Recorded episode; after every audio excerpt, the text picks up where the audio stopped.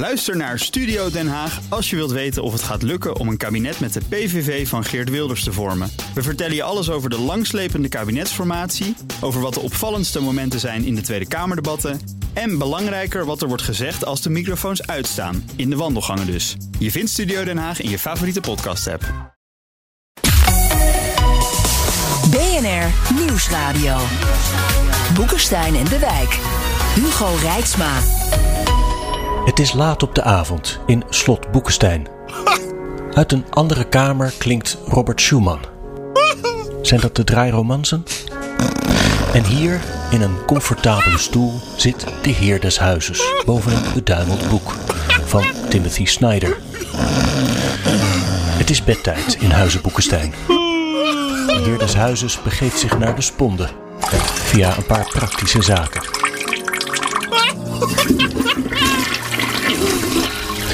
Maar weer volgt een onrustige nacht.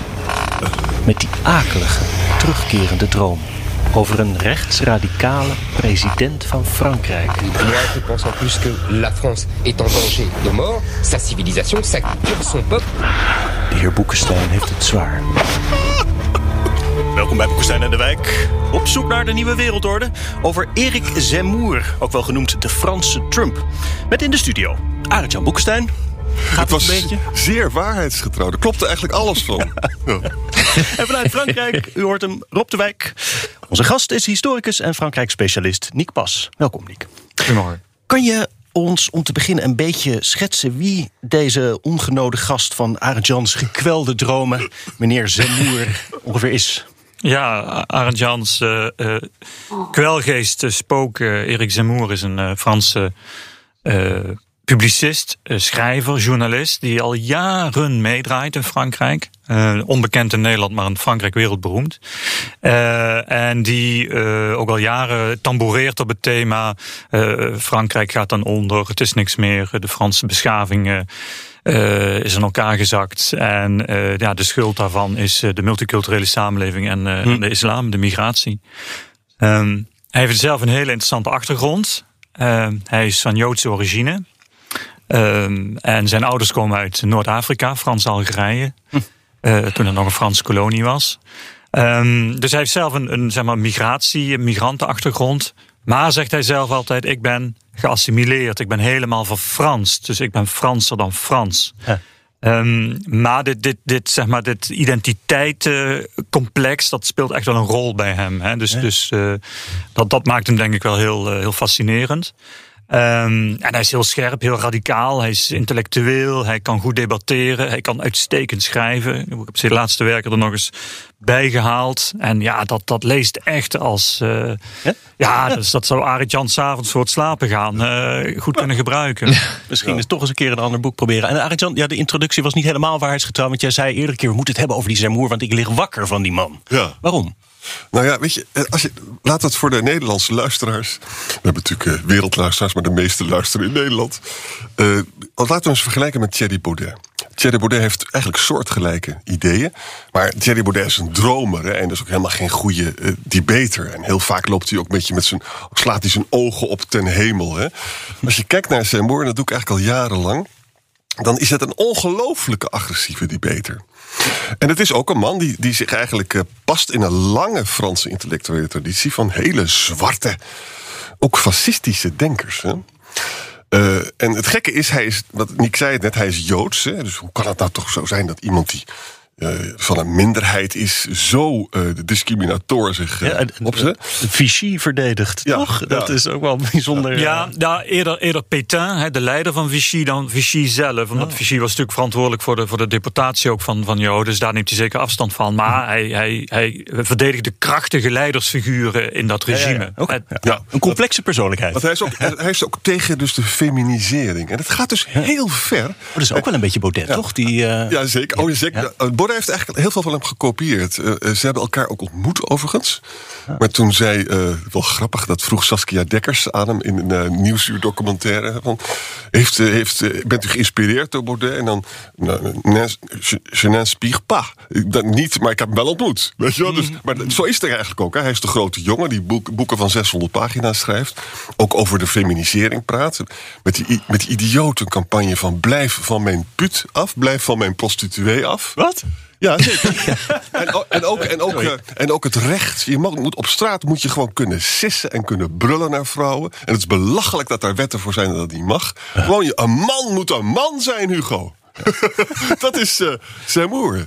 Ja, dus ook, ook, ook, daar zit een hele interessante paradox. Hè? Want zijn vrouw, die al 40 jaar mee is getrouwd, die heeft een eigen advocatenbureau en uh, werkt uh, hè, dus ja. gewoon zelf, verdient zelf ook de kost. Dus je kunt je afvragen hoe dat dan s'avonds gaat in huizen zijn moer. Hè? Als, ja. als hij weer terugkomt nadat hij gezegd heeft dat het vrouwelijke brein archaïs is en ja. hè, dus de, de, de maatschappij virieler moet worden. Dus, dus in dit soort uitspraken zit natuurlijk ook een hele grote dosis retoriek en, en, ja. en nou, het is echt het provocateur ook. Hè? Ik denk dat we dat zeker ook niet moeten, moeten vergeten. En wat die vrouw betreft. Is maar jongens, mag ik, mag ik, even, mag ik even een vraag stellen? Ja. Waar maken we ons druk om? Ik bedoel, het is. En waar, Arend Jan, waar komt die fascinatie bij jou vandaan? Nou ja, kijk. Hij heeft, hij heeft want we, we, we, we, praten, wacht even. we praten nu over iemand die uh, mogelijkerwijs kandidaat wordt uh, in Frankrijk voor de presidentsverkiezingen, maar dat nog niet gedaan heeft. -hmm. En als hij dat gaat doen, weten we niet eens op welke partij dat, dat is. Uh, uh, wat is nou het probleem? Waar hebben we het nou eigenlijk over? Nou, kijk, het probleem is dit: dat heeft 17% in de polls nu. Dat zou genoeg zijn om toegelaten te worden tot de tweede ronde. Heeft Marine Le Pen al verslagen. Die is naar het midden getrokken. Dus het is gewoon een, belangrijke actor geworden in de Franse politiek. Kijk, ik, ik behoor je natuurlijk te zeggen dat uiteindelijk ja, door het kiesstelsel ook zal Macron het wel halen in die tweede ronde. Hij heeft of 23 procent of zo. Maar ja, dat zeiden we ook bij Trump, Rob. En we zeiden ook dat ja, Brexit dat niet zou waar. gebeuren. En, ik, en ik ben, gewoon, ik ben bezorgd erover. Ook omdat ik, ik vind hem echt een heel gevaarlijke jongen. Om, juist omdat hij zoveel drive heeft. En zoveel, en, maar, maar wat is nou toch die, uh, maar wat is nou toch die fascinatie? Hè? Kijk. Uh, je, je, ziet dat, je ziet dat overal. Hè, dat uh, dit soort mannen worden ook door de, door de media grootgebracht. Hè? Ik bedoel, hij heeft zijn eigen televisieprogramma, heeft hij uh, ja, veilig gehad. Ja. Zijn column in, in de Figaro. Um, dus aan, aan aandacht heeft hij geen gebrek gehad. En iedereen nodigt hem uit in allerlei praatprogramma's. En maakt hem dus groot. Het, wat dat betreft, hetzelfde fenomeen van een heel ander kaliber. Is, is die Caroline van der Plas in, van de boeren buitenbeweging. Of burgerbeweging, hoe heet die handel. die ik nog nooit op enig idee heb kunnen betrappen, maar die het heel goed doet op televisie. En dus groot gemaakt wordt. Ja. Ik vind die fascinaties uh, die we hebben voor dat soort uh, mensen, ook in de media, ik vind ze ook wel gevaarlijk hoor. En dat doen we nu ook nog zelf aan mee, Arend Jan. Ja, ja. maar weet je, maar weet je waar jij zit, hè, jouw landgoed bevindt zich op het, op het platteland, hè, la, la Campagne. Ja. Nou, er is een enorme kloof, ik hoef jou niks uit te leggen, tussen het platteland en Parijs en, en, en de grote steden. En, mm. en ook in jouw. Je hoeft maar de, de huis bij jou eruit te lopen en met, met die uh, baron te gaan praten om de hoek. Nou, dit is, het is best kans dat ook Le Suicide Français, dat boek daar ligt, dat hij dat gelezen heeft. Ja, dat zou best kunnen. Ja. Ja, ja, en, ook dus, en de, de opvattingen gaan heel ver. Je mag dus geen uh, islamitische namen meer geven. Hij wil gaat, dat mensen uh, remigreren. Het gaat allemaal heel ver. Het gaat veel verder dan, dan Baudet en, en Fortuyn. Ja, nou, ik, ik denk, mm -hmm. het is absoluut een mediafenomeen. Hè, dus de, daarin heeft Rob absoluut uh, gelijk. Dat is ook kritiek die je binnen Frankrijk ook hoort. Uh, ik geloof dat er één medium op dit moment dat hem nog niet heeft uitgenodigd. Dat is Radio France Inter. Hè, dus de grote publieke radioomroep. Hè, die wacht eigenlijk totdat hij zich kandideert. Hè, waar iedereen toch wel van uitgaat. Ja. Uh, maar daarnaast denk ik dat het fenomeen meer is dan alleen maar een, een, nou, een luchtbijl. Omdat hij juist drukt op een aantal dossiers die al jaren toch heel, heel gevoelig liggen in die Franse samenleving. Hè. En dat is uh, de multiculturele samenleving, dat is de, de, de immigratiekwestie, de, de positie van de islam. Nou, dat zijn natuurlijk ook allemaal allemaal zaken die in Nederland spelen, maar in Frankrijk uh, scherper spelen, omdat de Franse staat zich zo sterk definieert als de republiek één en ondeelbaar. En, en de, scheiding van kaak, staat en, en kerk. en we hebben natuurlijk de, de, de aanslagen gehad de afgelopen 10, 15 jaar. Dus een aantal van, van die, van die dossiers spelen veel scherper op in Frankrijk. En daar speelt hmm. Zemmour op in. En als hij zich kandidaat stelt, waar we dan dus wel vanuit kunnen gaan, zeg jij, wat denk je dat het voor effect heeft? Nou, wat we kunnen constateren, denk ik, is dat hij, hij springt in het politieke gat dat Marine Le Pen met het Rassemblement National uh, laat liggen. Hè. Zij is naar het midden opgeschoven, zoals uh, zo net is, uh, is gezegd. Um, en zij heeft de afgelopen jaren, eigenlijk sinds de verkiezingen in 2017, daar eigenlijk alles aan gedaan om het bruine verleden van het Front National, om daar afscheid van te nemen.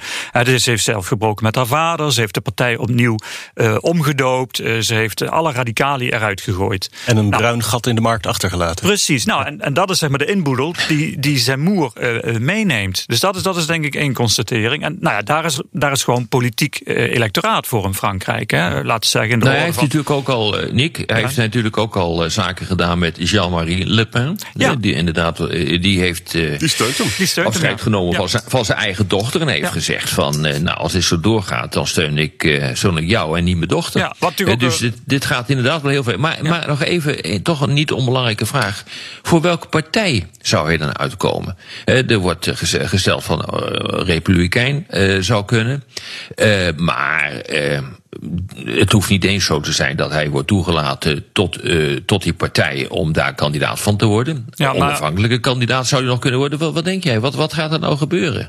Nee, hij is, hij is natuurlijk zijn eigen kandidaat. Hè? Dus dan, dan, dan eh, komt hij met zijn eigen uh, structuur. Um, um, in feite wat Macron ook gedaan heeft in 2016, 17. Mm. Uh, dus je hebt geen bestaande partij nodig om je te kandideren in Frankrijk. Um, dat is ook al in het verleden gebleken. Het punt is, slaagt hij erin om de eerste horde te nemen als hij meedoet aan de presidentsverkiezingen. Dat is namelijk, elke kandidaat met of zonder partij moet 500 uh, handtekeningen uh, binnenhalen van afgevaardigden uh, en of burgemeesters.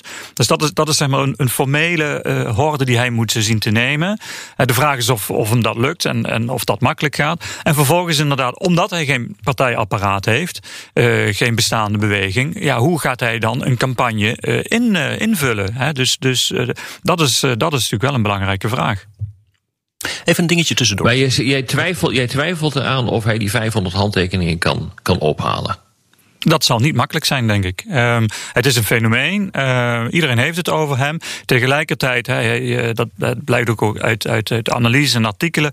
Uh, er is ook, ja, men luistert graag naar hem, men gaat graag met hem in debat, maar hem dan vervolgens officieel formeel steunen. Oh, niet in alle gevallen. Dat is wat anders, ja. ja.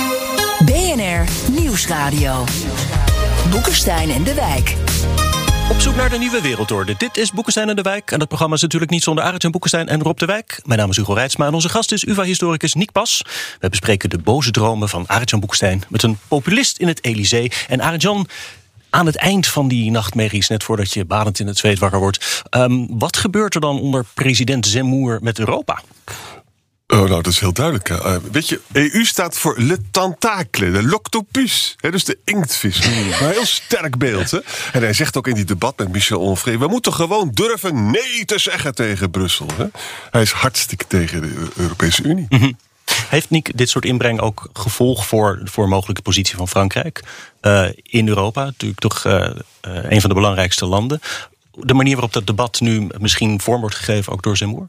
Uh, verwacht ik niet, omdat nogmaals hij uh, in principe kapitaliseert op, op ruimte die er is, op debatten die al langer gaande zijn. Hè, wat ook terecht is gezegd al. Uh, we kennen dit geluid. Marine Le Pen heeft dat natuurlijk ook heel lang vertolkt. Ehm, maar Nick, er is iets heel interessants gebeurd. Ja.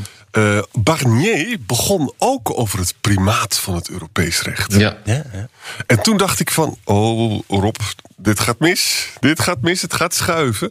Dus met andere woorden, Macron wordt hierdoor dus ook een beetje... Poolse toestanden Ja, in Frankrijk. ja. Maar goed, ik ben een sombermans. Ik zie altijd overal de Ja, nee, dat, dat, mag natuurlijk. Ja. Nou, we zullen zien. Kijk, Dat moet Frankrijk, ook in het eh, programma. Ja, Frankrijk wordt, wordt eh, eh, voorzitter hè, vanaf 1 januari van, Ja. van, de, de Unie. Dus, ehm, en Macron als zittende president zal dat voorzitterschap ook zeker aangrijpen om daar Ja. natuurlijk eh, zijn voordeel uit te halen. Ja. Dus hoe zeg maar, deze ontwikkelingen die nu plaatsvinden dat proces gaan beïnvloeden, het is is, een, vraag. een minister van Binnenlandse Zaken van Macron, ik ben zijn naam altijd kwijt. Die ook op de tv zegt: keihard van de politieke islam. En de islam is gewoon één pot nat. Dat gaat heel ver. Hè. Dat is eigenlijk heel erg stokenbranderig, want dat is gewoon niet waar. En bovendien ook heel kwalijk. Dus ik vind. Maar hoe groot, is nou de, hoe groot is nou de kans dat hij inderdaad naar boven komt, eh, komt drijven? Hè? Eh, ik denk nog even aan die, eh, die meest recente verkiezingen die zijn gehouden voor die prefecturen. Nou, een prefectuur stelt niet zoveel in Frankrijk voor, want ik probeer nou nog steeds erachter te komen wat die lui nou precies doen. Want wij vallen natuurlijk ook onder zo'n prefectuur, maar ik heb geen idee eigenlijk. Nou, dat weten de meeste Fransen ook niet. En dan zie je daar dus dat tijdens de laatste verkiezingen Macron en Le Pen die zijn wegvervaagd. En middenpartijen die zijn echt opgekomen, met name links. En de gematigde rechtse partijen die zijn daaronder uitgekomen. Dus wat is hier nou aan de hand? Want als ik namelijk kijk eh, naar het sentiment dat toen duidelijk werd tijdens die verkiezingen, ook al kwam er eigenlijk bijna geen Fransman eh, naar de stembus, eh, dan moet je toch constateren eh, dat die ruimte misschien wel eens kleiner begint te worden dan die zelf denkt. Wat, wat, wat- zie ik dat goed eh, of zie ik dat fout, Niek? Nou, ik denk dat er een groot verschil is eh, tussen die eh, verschillende verkiezingen in Frankrijk. Hè. Het niveau waar je naar kijkt, of je Europese verkiezingen spreekt of over eh, regionale, dan wel gemeenteraadsverkiezingen. En je ziet inderdaad op gemeent- gemeentelijk niveau dat bijvoorbeeld ook de Groenen het heel goed hebben gedaan in Frankrijk. Hè. Ze hebben een aantal van de grootste steden Ja. in, in, in handbereik gekregen. Maar ze, ze stuiten steeds op een, op een electoraal plafond waar het gaat om nationale verkiezingen. hè. Dus de groene kandidaat staat nu op 6 of 7 procent in de peilingen. En hij gaat ook niet heel veel meer eh, scoren. En je ziet dat links, hè, dus, dus gematigd links, radicaal links en de groenen bij elkaar, niet verder komen op dit moment dan zeg maar 30 procent van de stemmen. En dat is het, het plafond voor dit moment. En de vraag is of daar nog, nog echt ruimte gaat komen de komende zes maanden. Hè. Bedoel, Het is natuurlijk nog een hele lange eh, weg. Ehm, en, en wat dat vervolgens betekent voor, eh, voor de overige kandidaten. Maar, Liek, maar Liek, leg eens uit van in, in de tweede ronde was het altijd zo dat Macron het dan haalde, omdat links in de tweede ronde op Macron gaat stemmen. Ja, het, is, het is mijn andere nachtmerrie. Van, ik, ik probeer dus populistisch te denken tegenwoordig. Nou, Ja. Macron is gewoon een Rothschild-bankier. is een Apollinische vent. En, en ik, ben een, ik, ben, ik heb een geel hesje. Ik heb een, een auto van 10 jaar oud. En die benzineprijs wordt alleen maar hoog. En dan die gasprijs ook nog eens een keer. Ik ga echt niet op die Macron stemmen hoor. Als links ook voor een deel op meneer Seymour gaat stemmen. Omdat de discriminatoren de hand. Ja, dan kunnen we onder ons bed gaan liggen. Ah, ik vind dat toch heel moeilijk voorstelbaar. Want, want hij is echt wel radicaler dan, dan Le Pen. En ja, Ja, dan. en, die, en die zat al onder de druk. ja, die daarom- Le Pen. Dus, dus Daarom. Maar Ja. door Seymour. Maar er is misschien nog een ander scenario waar, waar eh Arend-Jan echt nachtmerrie eh, van zou kunnen krijgen. Is dat, dat Oh jee. Zemmour zo aanwezig blijft zeg maar, in de peilingen en eh, Le Pen zo laat zakken dat een derde kandidaat, bijvoorbeeld van centrum rechts, eh, alsnog in de tweede ronde terechtkomt. Hè, dus voor beide twee radicale kandidaten steekt. Dus, en dan krijg je een hele andere dynamiek. Zo Bert, Bertrand Zou dat. Bonnier dan kunnen zijn? Bijvoorbeeld, ja. Dus, dus, Ja. dus, de, dus de, een van de kandidaten van Les Républicains, het is de centrumrechtse partij. En dan krijg je een hele andere dynamiek in de eindronde. Dus Macron versus eh, die kandidaat. En dan is het natuurlijk nog maar de vraag of Macron het inderdaad gaat, eh, gaat redden. Maar Bert, Even- nog een heel ander punt. standpunten, toch? Ja. Maar even zeggen, Eh, eh, jongens, nog even een, even een heel ander punt als ik mag. Waarom zijn er zoveel jongeren die op zo'n man stemmen? Ja, dat vind ik ook Eh, interessant. zij heeft ook zijn eigen jeugdbeweging, eh, eh, Generatie Z. Ja. Maar wat, wat is dat nou? Eh, Ik, ik, ik probeer dat, eh, ik, ik zie dat gewoon overal in de wereld eh, gebeuren. Eh, weer, die jongeren die, Ook die lopen hierop mee. Wat is dat nou toch? Misschien is het het onvermogen van links om ook over de islam te praten en over de problemen. Hè? Dus dat, dat politiek correcte, dat hebben die, hebben die jongeren hebben ze ontzettende hekel aan. Zou dat kunnen niet? Eh, Dat, dat eh, in de eerste plaats. En in de tweede plaats denk ik ook dat een hele generatie die sowieso conservatiever eh, conservatievere denkbeelden op nahoudt, of behoudendere denkbeelden, en ook heel erg met zichzelf bezig is in de wereld. Eh, en die natuurlijk zo snel, eh, ook technologisch en, en op allerlei manieren verandert, en ook heel erg onzeker is hè, voor, voor de jeugd. Uh, dat, nou ja, dus dat conservatievere, behoudende gedachtegoed, dat dat. Uh, en misschien dat de, de, middenpartijen ook niet echt een heel erg duidelijk consistent beleid hebben over migratie en integratie. En dus ook misschien wel gewoon problemen laten ontstaan. Ja. Waardoor je dit soort partijen krijgt. Ja. Zeker. En, en, en die behoren ook tot het, tot het establishment, de oude partijen, die toch weinig uh, aantrekkingskracht hebben. En ook, hij is ook een Bonapartist hè, en ook een Gaullist. Wat dat natuurlijk, en het gedachte is dit. wat is dat dan, nou ja, volgens jou? Nou ja, als je in de geschiedenis bekijkt, toen de Duitse uh, eenwording plaatsvond, gingen mensen als Charles Pasqua zeggen: En nou is het helemaal afgelopen. En nou moeten we alle soevereiniteit die we hebben, moeten we behouden. En die EU is levensgevaarlijk. Nou, die tendentie is er altijd geweest. En hij sluit er dus bij aan. Hè. Hij gelooft voor geen meter in het Europese verhaal. En moet je kosten wat kost. Je, je, het is helemaal Thierry Baudet. Maar dan veel welsprekender en veel giftiger. Hm. En veel welsprekender en giftiger. En, en ook... Nou ja, weet je, Arend Jan, ik denk dat dat zo is. Maar hier loop je natuurlijk tegen een fundamenteel probleem aan. En dat heeft uh, te maken met het feit dat, dit, dat Frankrijk gewoon een klein land aan het worden is in de nieuwe wereldorde. Ja. Ik bedoel, die kan nooit op tegen uh, die Chinezen en tegen de Amerikanen. En uh, als ik dat gedachtegoed van die Zemmour uh, enigszins tot mij hier neemt, dan is gewoon een nationalist. Ja. die ervan uitgaat dat Frankrijk een fantastische geschiedenis achter zich heeft, maar een even fantastische geschiedenis voor zich. Nou, dat is natuurlijk gewoon niet zo. Ja. dit, is een, dit is een idee dat totaal niet meer spoort met de huidige tijd. En uh, het enige wat je kunt doen is samenwerken. En dat moet je in EU-verband uh, doen. Nou ja, ik bedoel, uh, onze mening is daar wel over bekend, denk ik, zo langzamerhand. Maar dat is dus niet de mening dat je dus een EU-knuffelaar bent. Maar dat is gewoon puur ingegeven door praktische geopolitieke motieven. Um, landen als Frankrijk zijn te klein. De Britten komen er nu ook achter, gewoon te klein. Ze moeten iets doen met de Amerikanen en krijgen dus zo'n zo'n aukespact met, met de Australiërs erbij. Dat is nou het enige nog wat ze kunnen. En die, en, en die Fransen, dit is het. Ik, ik weet ook niet in hoeverre dit nou echt een intellectueel is of een provocateur. Want als je echt een intellectueel bent, dan kom je niet in deze huidige tijd tot dit soort denkbeelden. Ja, ik begrijp wat je bedoelt. Ja. maar, de, maar, ja, maar, maar, hij, maar, hij, heeft zoveel, hij heeft zoveel drive. En, en ook als je, als je naar die zalen kijkt waar die zitten, die mensen schreeuwen president, president, president. En ook, de, ook de jongeren. Ik, eh, ik weet het niet hoor. Frankrijk is een diep en diep verdeeld land. Op allerlei scheidslijnen. Veel meer dan, dan Nederland. Al geweest, natuurlijk. Dat is altijd al geweest.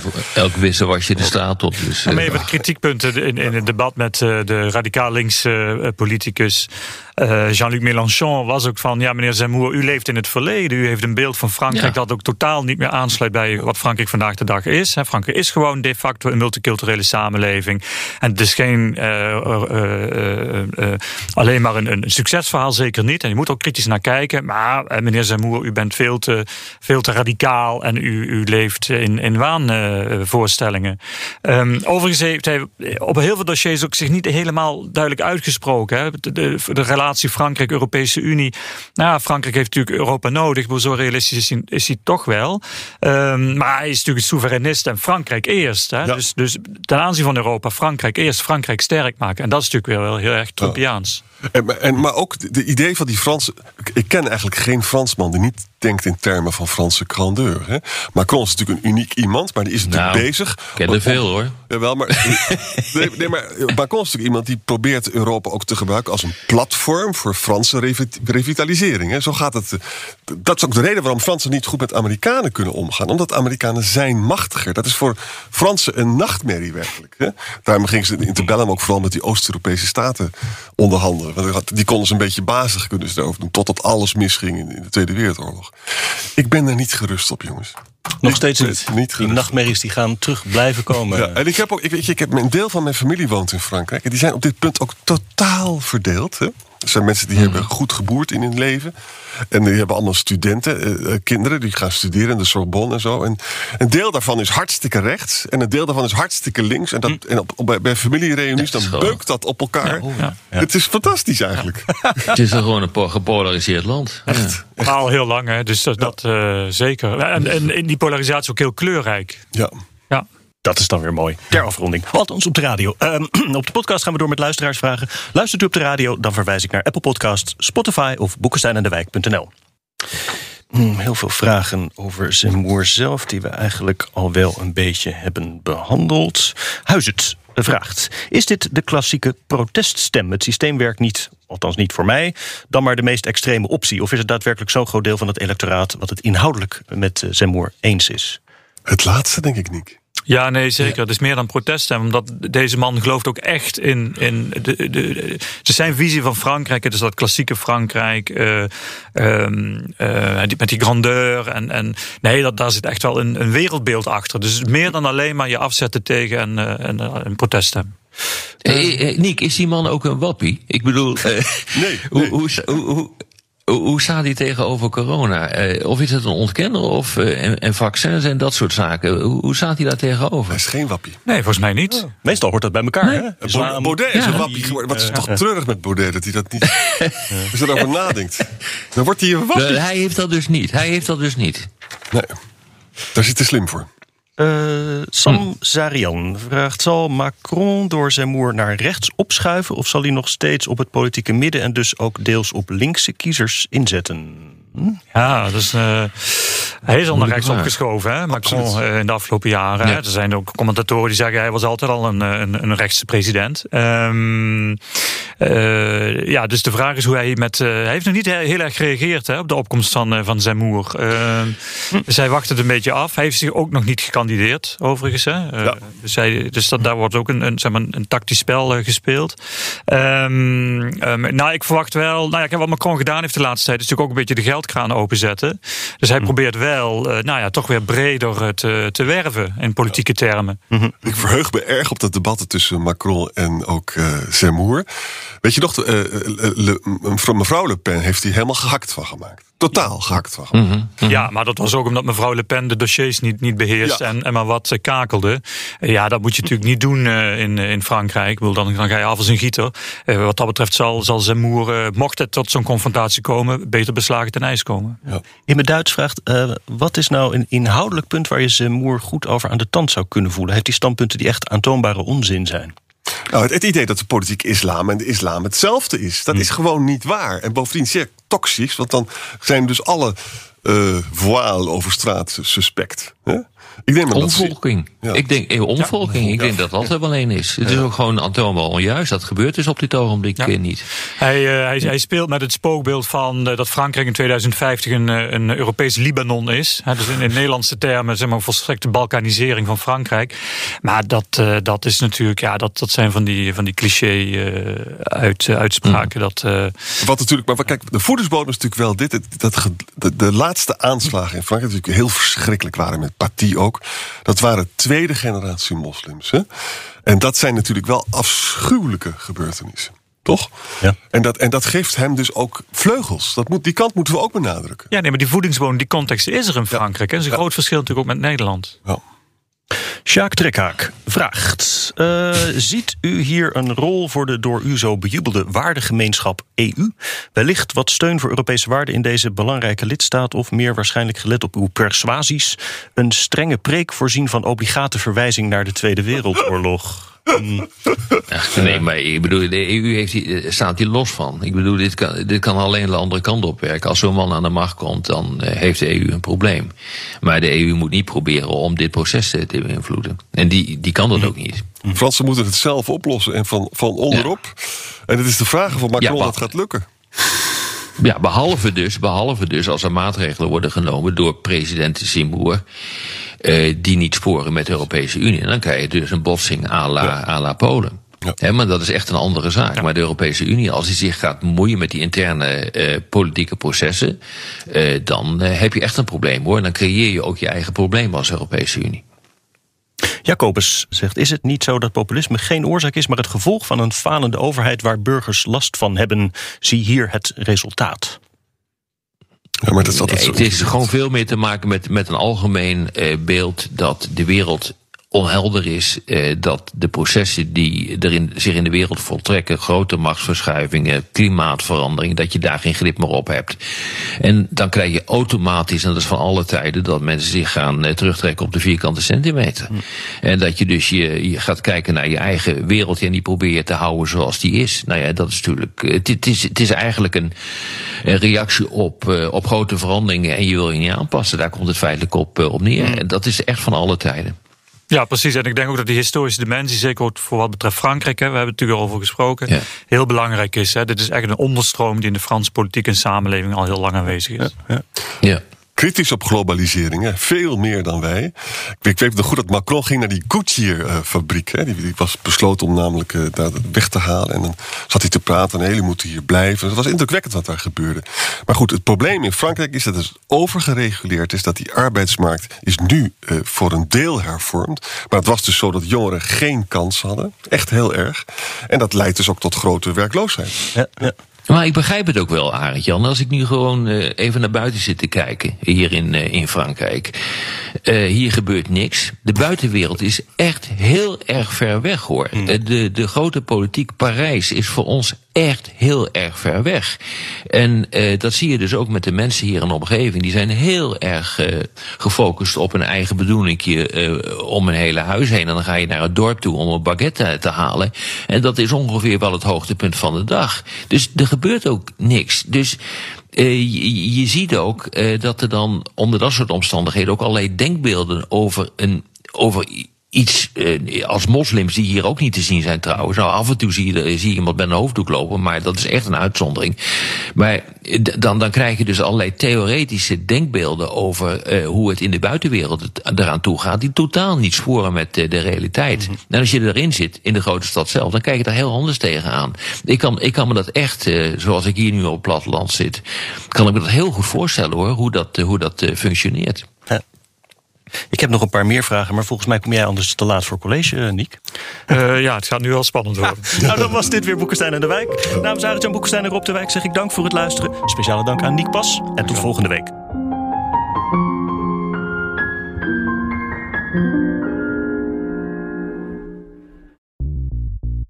Bij BNR ben je altijd als eerste op de hoogte van het laatste nieuws. Luister dagelijks live via internet. Bas van Werven. En heel langzaam komt de zon op rond dit tijdstip. Je krijgt inzicht in de dag die komt op BNR, het Binnenhof in Nederland en de rest van de wereld. De Ochtendspits. Voor de beste start van je werkdag. Blijf scherp en mis niets.